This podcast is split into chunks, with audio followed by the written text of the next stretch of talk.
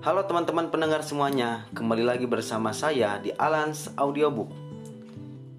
Nah, dalam tema kali ini, saya akan membawakan tema yang ketujuh dari sebuah novel filsafat bernama Dunia Sopi. Kali ini berjudul sebuah berjudul Sokrates. Selamat mendengarkan. Sophie segera mengenakan daster dan bergegas menuju dapur. Ibunya sedang berdiri di dekat meja dapur. Sophie memutuskan untuk tidak mengatakan apa pun mengenai selendang sutra itu. Apakah ibu sudah mengambil koran? Tanyanya. Ibu ber, ibu berpaling. Maukah kamu mengambilkannya untukku? Sophie melesat keluar pintu dalam sekejap menuju kotak surat. Hanya koran, dia tidak boleh berharap akan mendapat jawaban dalam waktu dekat, kiranya. Di halaman depan koran itu dia membaca sesuatu mengenai batalion PBB Norwegia di Lebanon. Batalion PBB bukankah itu capos yang terdapat pada kartu dari ayah Hilde? Namun, perangkonya Norwegia barangkali pada barangkali para serdadu PBB Norwegia mempunyai kantor pos sendiri. Kamu sendiri sangat menarik pada koran, kata ibunya ketika Sophie kembali ke dapur.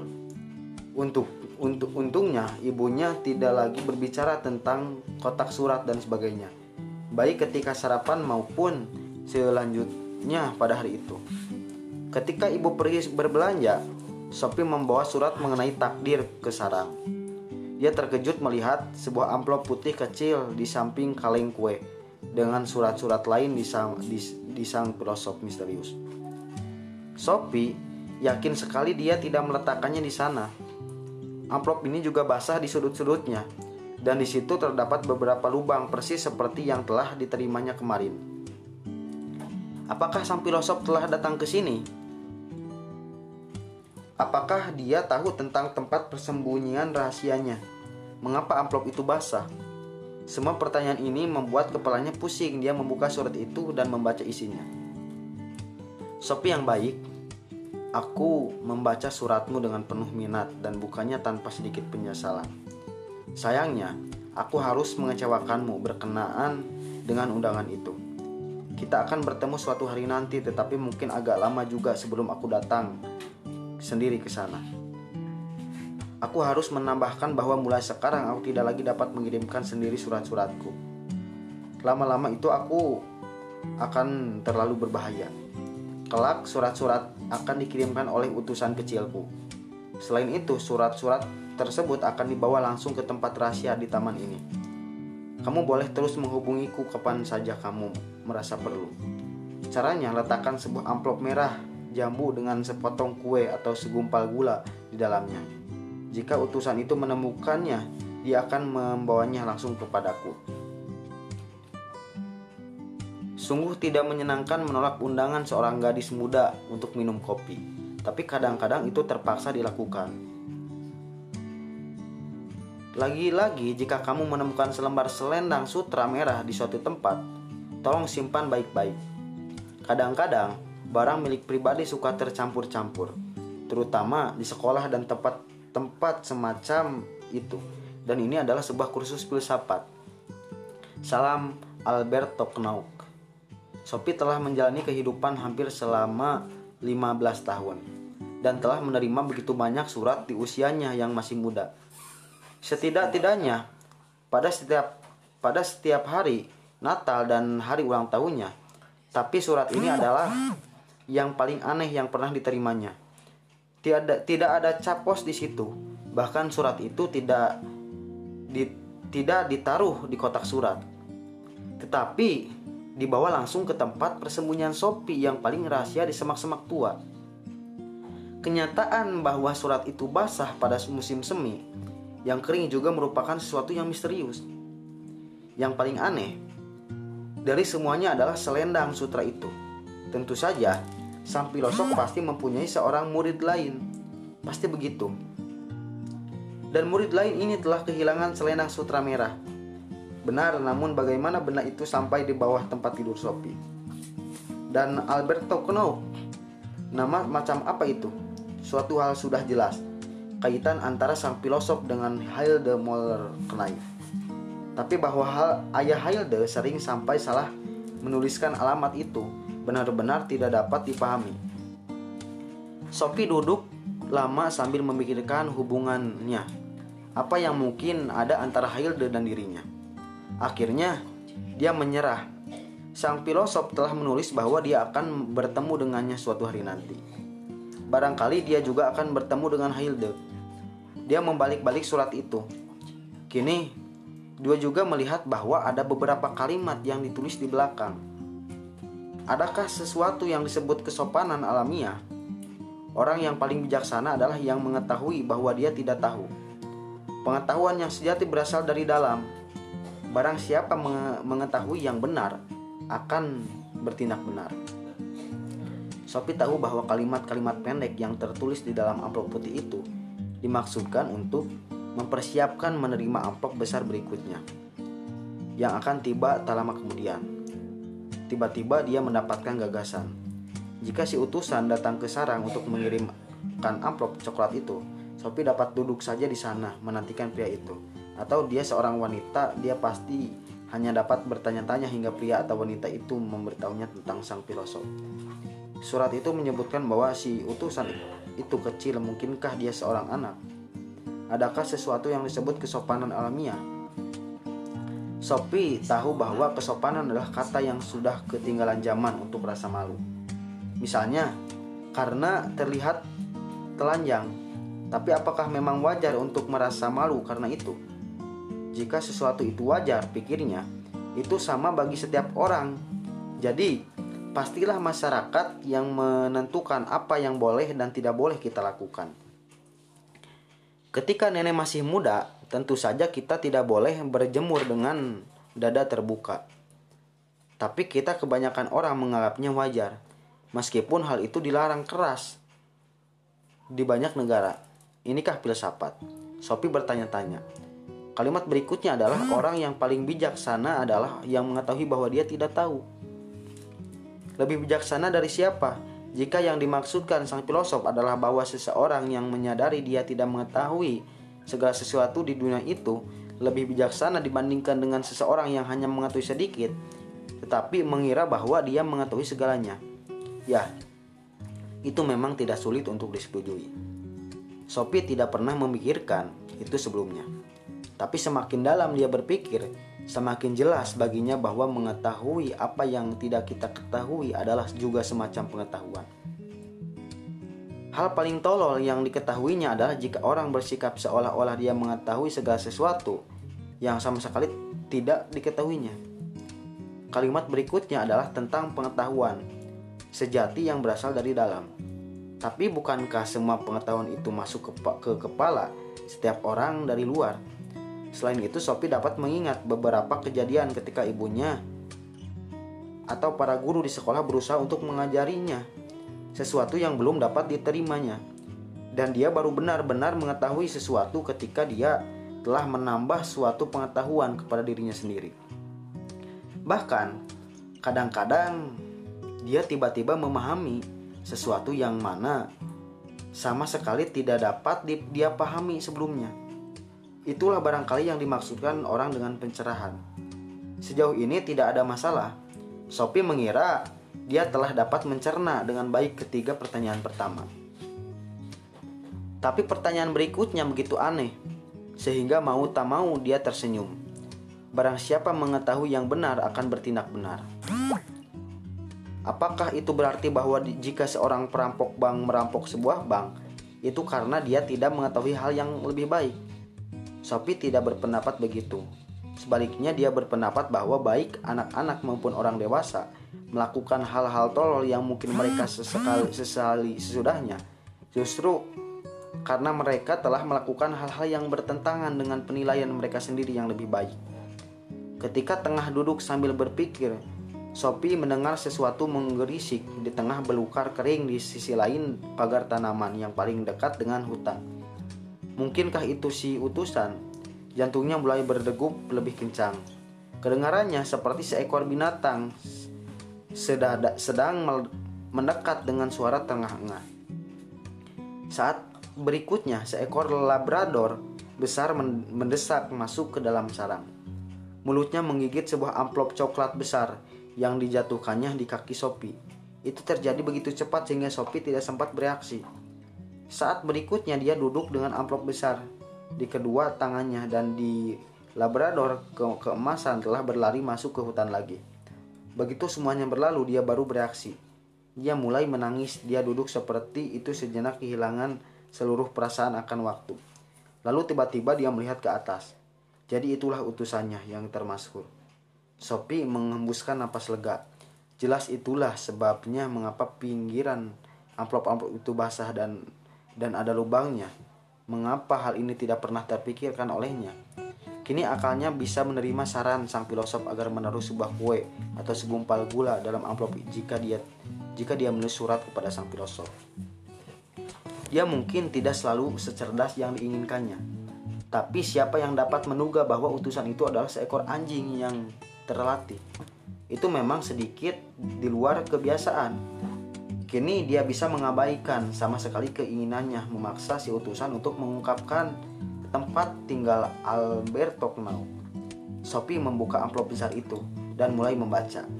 Judul yang terdapat di dalam amplop besar itu adalah Filsafat Athena. Berisi, Sophie yang baik, ketika kamu membaca ini, kamu mungkin telah bertemu Hermes, tapi kalau belum, aku tambahkan di sini bahwa dia adalah seekor anjing. Tapi jangan khawatir, kelakuannya sangat baik dan lagi pula jauh lebih cerdas dibandingkan dengan banyak orang. Dia sama sekali tidak pernah berusaha untuk menimbulkan kesan bahwa dia lebih pandai daripada yang sebenarnya. Perlu juga kamu ketahui bahwa namanya bukannya tanpa makna. Dalam mitologi Yunani, Hermes adalah utusan para dewa. Dia juga dewa para pelaut tapi kini tidak akan mengurusi hal itu. Setidak-tidaknya utusan saat untuk saat ini yang lebih penting adalah bahwa Hermes juga memberikan namanya untuk kata hermetik yang berarti tersembunyi atau tak terjangkau. Bukannya tidak cocok dengan tugas Hermes untuk menjaga agar kita berdua tetap tersembunyi satu sama lain. Jadi seutusan telah diperkenalkan. Tentu saja dia akan datang kalau namanya dipanggil dan berkelakuan sangat baik. Tapi kembali lagi, kembali lagi pada filsafat. Kini telah menyelesaikan bagian pertama pelajaran itu. Aku mengacu kepada para filosof alam dan tindakan mereka untuk tegas-tegas menjatuhkan diri dari gambaran mitologis dunia. Kini kita tak akan bertemu dengan tiga filosof klasik besar, Socrates, Plato, dan Aristoteles. Masing-masing dengan caranya sendiri, para filosof ini mempengaruhi seluruh peradaban Eropa. Para filosof alam itu juga disebut pra-Sokrates, sebab mereka hidup sebelum zaman Sokrates. Meskipun Demokritus meninggal beberapa tahun setelah Sokrates, semua gagasannya termasuk filsafat alam pra-Sokrates. Sokrates mewakili suatu era baru secara geografis maupun temporal. Dia adalah filosof besar pertama yang dilahirkan di Athena dan baik di mau dan baik dia maupun kedua penerusnya hidup dan bekerja di sana. Kamu mungkin ingat bahwa Anasagoras juga hidup di Athena sebentar, tetapi kemudian diusir keluar sebab dia mengatakan bahwa matahari adalah sebuah batu merah panas. Nasib Socrates tidak lebih baik. Sejak zaman Socrates, Athena merupakan pusat kebudayaan Yunani. Juga penting untuk dicatat perubahan karakter dalam proyek filsafat itu sendiri Sementara ia berkembang dari filsafat alam hingga Sokrates. Tapi sebelum kita menemui Sokrates, mari kita ketahui sedikit tentang kaum Sofis yang menguasai panggung Athena pada masa hidup Sokrates. Angkat tirai Sophie sejarah gagasan gagasan itu seperti sebuah drama dengan banyak babak, dengan banyak babak. Manusia sebagai pusat. Setelah sekitar 450 sebelum Masehi, Athena merupakan pusat kebudayaan di, dunia, di dunia Yunani. Sejak masa ini, filsafat mengambil arah baru. Para filosof alam hanya memusatkan perhatian pada hakikat dunia fisik semata. Karena itulah mereka menempati posisi sentral dalam sejarah sains. Di Athena, minat kini dipusatkan pada individu dan kedudukannya dalam masyarakat. Secara lambat laun demokrasi berkembang dengan majelis-majelis rakyat dan pengadilan hukum. Agar demokrasi dapat dijalankan, orang-orang harus cukup berpendidikan agar dapat ambil bagian dari proses demokrasi. Kini telah melihat di zaman kita sendiri bagaimana demokrasi yang masih muda membutuhkan keterbukaan pikiran masyarakat. Bagi para penduduk Athena, yang paling penting adalah menguasai seni berpidato, yang berarti mengatakan berbagai hal dengan cara yang meyakinkan. Sekelompok guru, sekelompok guru dan filosof sekeliling dari koloni-koloni Yunani berkumpul di Athena. Mereka menamakan diri kaum Sopis Kata sopis berarti seorang yang bijaksana dan berpengetahuan. Di Athena, kaum sopis mencari nafkah dengan mengajar para warga negara dengan imbalan uang. Kaum sopis mempunyai satu ciri yang sama dengan para filosof alam. Mereka bersikap kritis terhadap mitologi tradisional. Namun pada saat yang sama, kaum sopis menolak apa yang mereka anggap sebagai spe spekulasi filsafat yang tak berguna. Mereka berpendapat bahwa meskipun ada jawaban untuk pertanyaan filosofis, manusia tidak dapat mengetahui kebenaran mengenai teka-teki alam dan jagat raya. Dalam filsafat, pandangan seperti ini dinamakan skeptisisme. Namun bahkan jika kita tidak dapat mengetahui jawaban seluruh teka-teki alam, kita tahu bahwa orang-orang harus belajar untuk hidup bermasyarakat. Kaum sopis memilih untuk menyibukkan diri mereka dengan masalah manusia dan kedudukannya dalam masyarakat. Manusia adalah ukuran dari segala sesuatu, kata seorang sopis Protagoras. Kira-kira hidup pada tahun 485 sampai 410 sebelum Masehi. Dengan itu, yang dimaksudkannya adalah bahwa masalah apalah, apakah sesuatu itu benar atau salah, baik atau buruk, harus selalu dipertimbangkan dalam kaitannya dengan kebutuhan-kebutuhan seseorang. Ketika ditanya apakah dia percaya kepada para dewa Yunani, dia menjawab, Pertanyaan itu terlalu kompleks, sedangkan hidup itu terlalu singkat. Seseorang yang tidak mampu mengatakan dengan tegas apakah dewa-dewa atau Tuhan itu dan ada dinamakan seorang agnostik, kaum sopis biasanya orang-orang yang telah banyak berpergian dan melihat berbagai bentuk pemerintahan. Baik aturan maupun hukum setempat di negara-negara kota bisa sangat beragam. Ini mendorong kaum sopis untuk bertanya apakah yang alamiah dan apa yang diharuskan karena desa karena desakan dari masyarakat. Dengan melakukan ini mereka merintis bagi timbulnya kritik sosial di negara kota Athena. Misalnya, mereka dapat mengemukakan bahwa penggunaan ungkapan seperti kesopanan alamiah tidak selalu dapat dipertahankan. Sebab jika memang kesopanan itu alamiah, mestinya itu adalah sesuatu yang terlahir bersama kita. Suatu ber, suatu bawahan lahir tapi apakah itu memang bawahan lahir, Sopi, ataukah itu karena desakan masyarakat? Bagi seseorang yang telah menjelajahi dunia, jawabannya mestinya sederhana. Angkat tirai, Sopi. Sejarah gagasan-gagasan itu seperti sebuah drama dengan banyak babak. Manusia sebagai pusat. Setelah sekitar 450 sebelum Masehi, Athena merupakan pusat kebudayaan di Yunani Para filosof alam hanya memusatkan perhatian pada hakikat dunia fisik semata. Karena itulah mereka menempati posisi sentral dalam jenis sejarah sains di Athena. Minat kini dipusatkan pada individu dan kedudukannya dalam masyarakat secara lambat laun. Demokrasi berkembang dengan majelis-majelis rakyat dan pengadilan hukum.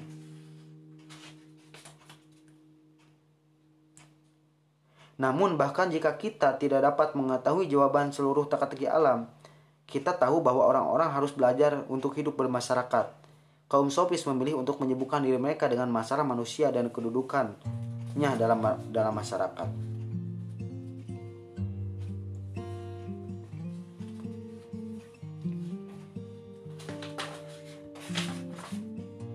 Siapakah Sokrates? Sokrates hidup pada tahun 470 sampai 399 sebelum Masehi. Barangkali adalah tokoh paling penuh teka-teki dalam dalam seluruh sejarah filsafat. Dia tidak pernah menulis sebaris kalimat pun, namun dia merupakan salah seorang filosof yang mempunyai pengaruh paling besar terhadap pemikiran Eropa. Dan itu sama sekali bukan karena cara kematiannya yang dramatis. Kita tahu dia dilahirkan di Athena dan bahwa dia menjelajahi, menjalani sebagian besar hidupnya di alun-alun dan pasar-pasar untuk berbicara dengan orang-orang yang ditemuinya di sana. Pohon-pohon di daerah pedesaan tidak mengajarkan apa-apa padaku, katanya. Dia juga dapat tenggelam dalam pemikiran selama berjam-jam tanpa henti. Bahkan pada masa hidupnya, dia dianggap agak membingungkan dan tak lama setelah kematiannya dia dianggap sebagai pendiri sejumlah aliran pemikiran filsafat yang berbeda-beda. Kenyataannya bahwa dia begitu penuh teka-teki dan membingungkan telah memungkinkan berbagai aliran pemikiran yang berlainan untuk menyatakan dia sebagai pendirinya. Kita tahu bahwa pasti dia sangat buruk rupa. Perutnya gendut, matanya menonjol, dan hidungnya pendek serta besar. Namun dikatakan bahwa batinnya sangat bahagia. Juga dikatakan bahwa Anda dapat menemukan pada masa sekarang anda dapat menemukannya di masa lampau, tapi Anda tidak akan pernah menemukannya pada padanya sekalipun demikian dia dihukum mati karena aktivis aktivitas filsafatnya. Kehidupan Socrates hanya dapat diketahui melalui tulisan-tulisan Plato, yaitu salah seorang muridnya dan yang menjadi salah satu filosof besar sepanjang masa. Plato menulis sejumlah dialog atau diskusi-diskusi yang didramatisasi mengenai mengenai filsafat. Tempat dia menggunakan Socrates sebagai tokoh utama dan juru bicaranya karena Plato menyuarakan filsafatnya sendiri melalui mulut Socrates. Kita tidak dapat yakin apakah kata-kata dalam dialog-dialog itu benar-benar pernah diucapkan olehnya. Maka tidak mudah untuk membedakan antara ajaran ajaran Socrates dan filsafat Plato. Masalah yang sama menimpa banyak tokoh-tokoh sejarah lain yang tidak meninggalkan penjelasan tertulis. Contoh klasik tentu saja adalah Yesus. Kita tidak dapat merasa yakin bahwa Yesus dalam sejarah itu benar-benar mengucapkan kata-kata yang dinyatakan oleh Matias dan Lukas berasal darinya. Begitu pula apa yang sesungguhnya diucapkan oleh Socrates dalam sejarah akan selalu diliputi misteri. Namun siapa Socrates sesungguhnya relatif tidak penting. Penggambaran Plato mengenai Socrates itulah yang telah mengilhami para pemikir di dunia barat selama hampir 2500 tahun. Seni berdiskusi. Hakikat seni Socrates terletak dalam fakta bahwa dia tidak ingin menggurui orang. Sebaliknya, dia memberi kesan sebagai seseorang yang selalu ingin belajar dari orang-orang lain yang diajaknya berbicara. Jadi, bukannya memberi ke kuliah seperti layaknya seorang guru tradisional, dia mengajak berdiskusi. Tentu saja, dia tidak mungkin dapat menjadi seseorang filosof termasyhur kalau dia membatasi diri dengan hanya mendengarkan orang-orang lain. Dia pun tidak akan dihukum mati jika begitu, tapi dia hanya mengajukan pertanyaan-pertanyaan terutama untuk memulai keper, memulai percakapan yang seakan-akan dan tidak mengetahui apa-apa. Dalam diskusi itu dia biasanya berhasil membuat para penentangnya mengakui kelemahan argumen-argumen mereka. Dan mereka dan karena tersudut mereka akhirnya menyadari apa yang benar dan apa yang salah. Socrates dan yang ibunya adalah seorang bidan sering mengatakan bahwa ilmunya itu seperti ilmu bidan. Dia tidak melahirkan sendiri anak itu, tetapi dia ada untuk membantu selama kelahiran. Begitu pula Socrates menganggap tugasnya seperti membantu orang-orang melahirkan. Wawasan-wawasan yang benar sebab pemahaman yang sejati harus timbul dari dalam diri sendiri. Itu tidak dapat ditanamkan oleh orang lain, dan hanya pemahaman yang timbul dari dalam itulah yang dapat menuntun kepada wawasan yang benar. Aku aku kemukakan dengan lebih jelas. Kemampuan untuk melahirkan adalah suatu ciri alamiah. Dengan cara yang sama, setiap orang dapat menangkap kebenaran-kebenaran filosofis jika mereka mau menggunakan akal mereka sendiri. Menggunakan akal sendiri berarti masuk ke dalam diri sendiri dan memanfaatkan apa yang ada di sana. Kita tahu pasti bahwa dia sangat buruk rupa. Perutnya gendut, matanya menonjol, dan hidungnya hidungnya pendek serta besar. Namun dikatakan bahwa batinnya sangat bahagia. Juga dikatakan bahwa anda dapat menemukannya pada masa sekarang, Anda dapat menemukannya di masa lampau, tapi Anda tidak akan pernah menemukan padanya sekalipun demikian dia dihukum mati karena aktivitas filsafatnya. Suara ilahi Bukan maksudnya untuk menyiksa sesama makhluk jika Socrates terus menyengat mereka. Suara hatinya tidak memberinya pilihan lain. Dia selalu mengatakan bahwa dia menyimpan suara suara ilahi dalam dirinya. Socrates mengajukan protes, misalnya terhadap tindakan menghukum mati orang. Dia juga menolak hukum untuk memberi informasi kepadamu, kepada musuh-musuh politiknya. Inilah yang akhirnya membuatnya kehilangan nyawa. Pada 399 sebelum Masehi, dia didakwa memperkenalkan dewa-dewa baru dan merusak kaum muda serta tidak mempercayai dewa-dewa yang telah diterima. Dengan mayoritas tipis, juri yang terdiri, terdiri dari 500 orang menyatakannya bersalah. Besar kemungkinan dia dapat mengajukan kelonggaran. Setidak-tidaknya dia dapat menyelamatkan nyawanya dengan setuju dengan untuk meninggal, meninggalkan Athena. Tapi kalau dia melakukan ini, dia bukanlah Socrates. Dia menghargai hati nuraninya dan kebenaran lebih tinggi dibandingkan dengan nyawanya sendiri. Dia meyakinkan juri bahwa dia tetap bertindak demi kepentingan negara. Namun dia tetap dihukum untuk meminum racun cemara. Tak lama kemudian dia minum racun itu di hadapan sahabat-sahabatnya dan meninggal. Mengapa Sopi, mengapa Socrates harus mati? Orang-orang telah mengajukan pertanyaan ini selama 2400 tahun. Namun dia bukan satu-satunya orang dalam sejarah yang mempertahankan pendirian hingga akhir hayatnya dan menyongsong kematian demi keyakinannya.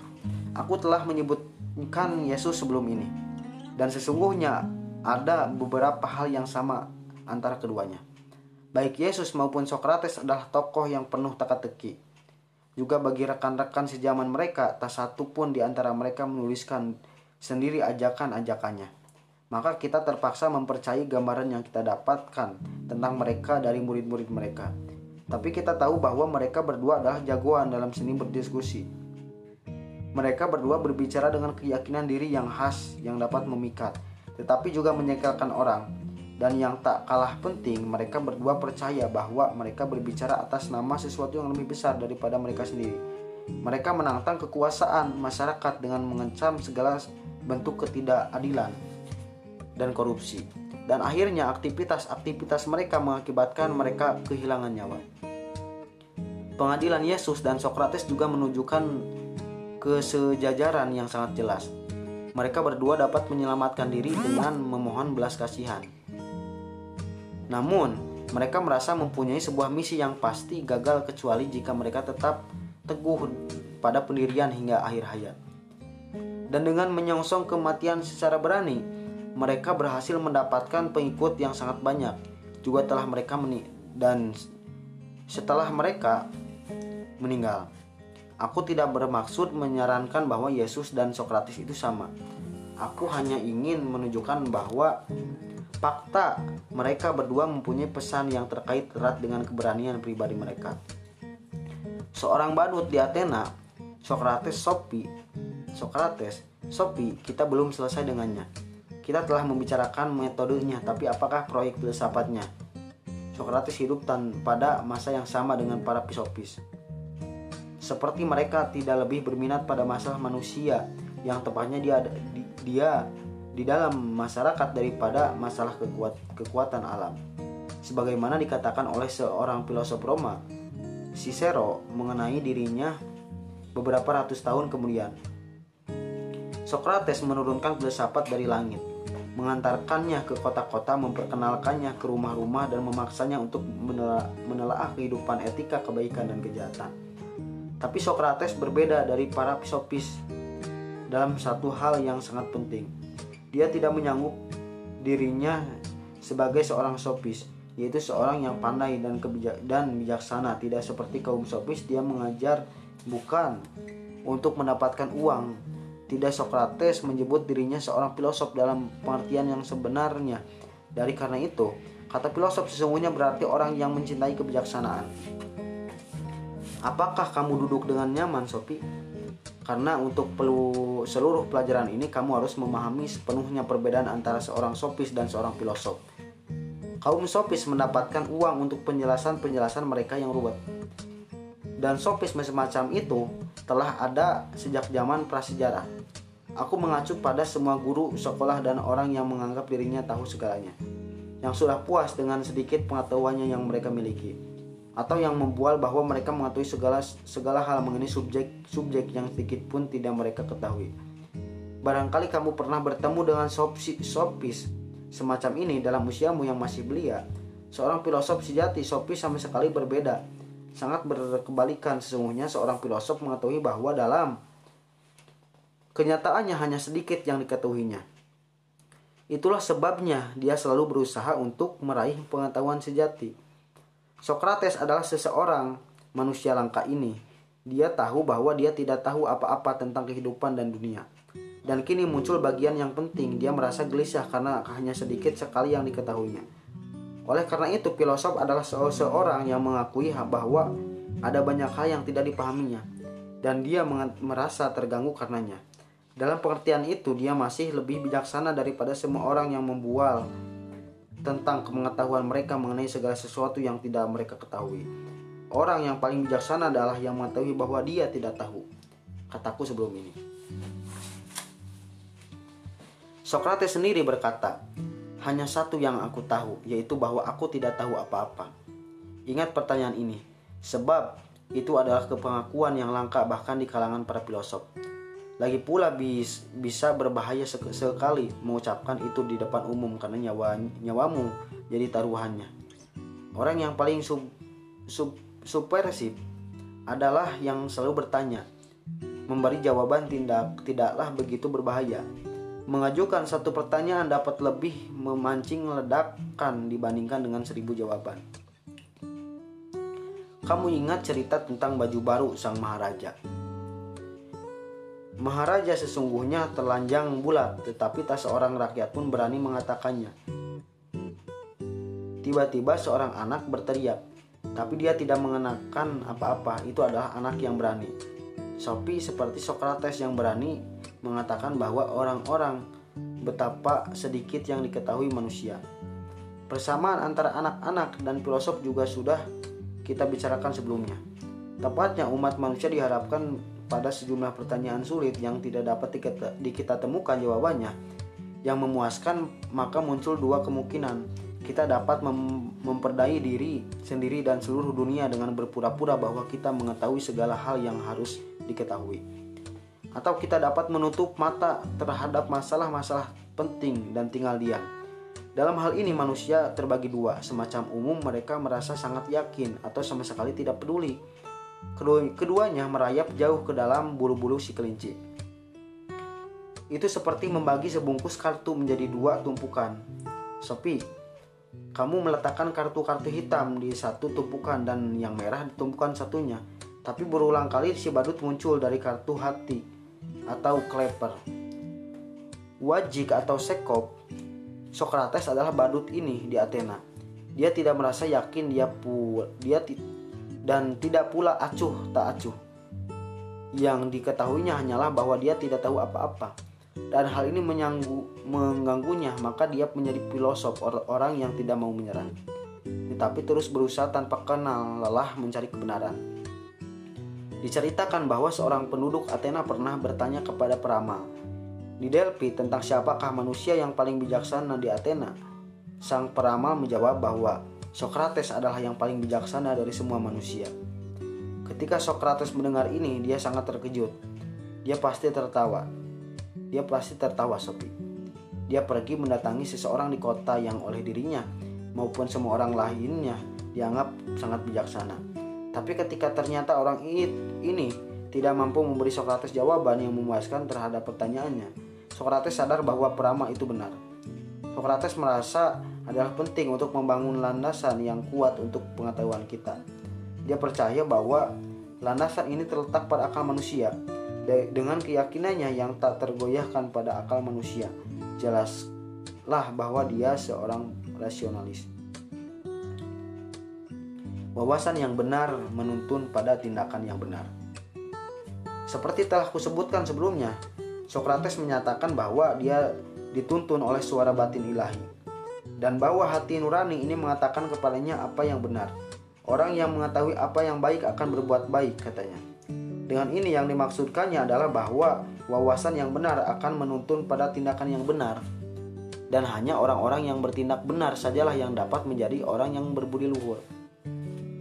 Jika kita melakukan kesalahan itu karena tidak tahu, itulah sebabnya penting sekali untuk terus belajar. Socrates berusaha untuk menemukan definisi-definisi yang jelas dan jelas universal diterima mengenai benar dan salah. Tidak seperti kaum sopis, dipercaya bahwa kemampuan untuk membedakan benar atau salah terletak pada akal manusia, bukan masyarakat. Barangkali kamu beranggapan bahwa bagian terakhir ini agak terlalu kabur. Sopi coba aku kemukakan begini. Socrates menganggap bahwa dia mungkin seseorang dapat bahagia. Jika mereka bertindak menentang penilaian mereka yang lebih baik, dan orang yang tahu cara meraih kebahagiaan akan melakukan hal itu. Oleh karena itu, orang yang tahu apakah yang benar akan bertindak benar. Sebab untuk apa orang memilih, memilih menjadi tidak bahagia? Bagaimana pendapatmu, pendapatmu Sopi? Dapatkah kamu menjalani kehidupan yang bahagia jika kamu terus melakukan hal-hal yang jauh di lubuk hati kamu tahu tahu salah?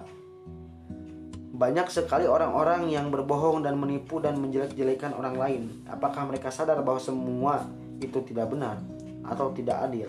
Apakah kamu pikir orang-orang ini bahagia? Menurut Socrates tidak. Setelah Sophie membaca surat itu dengan cepat dimasukkannya ke dalam kaleng kue dan dia merangkak keluar menuju taman. Dia sudah ingin berada di dalam rumah sebelum ibunya kembali dari berbelanja untuk untuk menghindari pertanyaan-pertanyaan dari mana yang dia tadi dan dialah dia telah berjanji akan mencuri piring. Dia baru saja mengisi bak cuci dengan air ketika ibunya datang sempoyongan dengan dua kantong berbelanja yang sangat besar. Mungkin itulah sebab ibunya berkata, berkata kamu agak sibuk belakangan ini Sopi. Begitu pula Socrates. Sophie tidak tahu mengapa dia mengucapkan itu karena karena kata tersebut keluar begitu saja dari mulutnya. Socrates, ibunya terperanjat. Matanya membesar. Sungguh menyedihkan dia harus mati karenanya. Sophie meneruskan sambil berpikir. Ya ampun.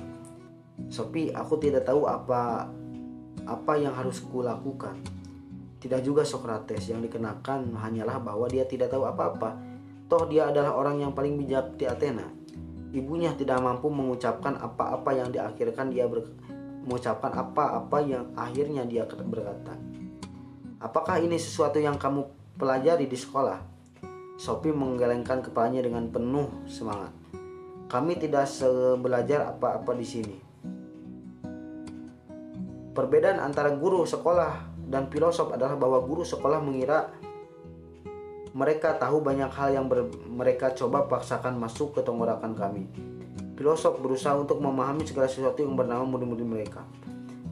Kini kita kini kita kembali pada kelinci putih lagi. Kamu tahu, aku menuntut untuk diberitahu siapa sesungguhnya teman priamu. Kalau tidak, aku akan mulai menanggapi menanggap dia sedikit terganggu otaknya. Sophie berbalik membelakangi tumpukan piring-piring itu dan menunjuk ibunya dengan lap piring. Bukan dia yang terganggu, tapi dia yang suka mengganggu orang-orang lain untuk menggugah mereka dari kelemba kelembaman. Sudah cukup, kukira dia terlalu kurang ajar Sopi kembali pada cuciannya. Dia tidak kurang ajar dan juga tidak sopan, kata Sopi. Tapi dia berusaha untuk meraih kebijaksanaan sejati Itulah perbedaan antara besar atau seorang badut yang sesungguhnya dan semua kartu lainnya dalam bungkus itu. Apakah kamu bilang seorang badut? Sophie mengangguk. Pernahkah ibu berpikir mendatangkan kenyataan mendatangkan kenyataan bahwa dia tidak ada bahwa dia tidak ada Pernahkah ibu berpikir tentang kenyataan bahwa ada banyak hati dan wajib dalam sebungkus kartu dan banyak sektop dan klaper tapi hanya ada satu badut. Sungguh menyedihkan bagaimana kamu membelas ucapan ibu Sopi dan bagaimana ibu bertanya ibunya telah menyimpan secara bahan makanan. Ibunya telah menyimpan semua bahan makanan. Kini dia mengambil koran dan pergi ke ruang duduk. Sophie mengira dia menutup pintu lebih mudah. Sophie mela- mela- men- selesai mencuci piring dan naik ke kamarnya. Dia telah meletakkan selendang sutra merah di rak lemari. Dinding pa- paling atas bersama balok-balok Lego, dia menurunkannya dengan mengamatinya dengan cermat. Hilde.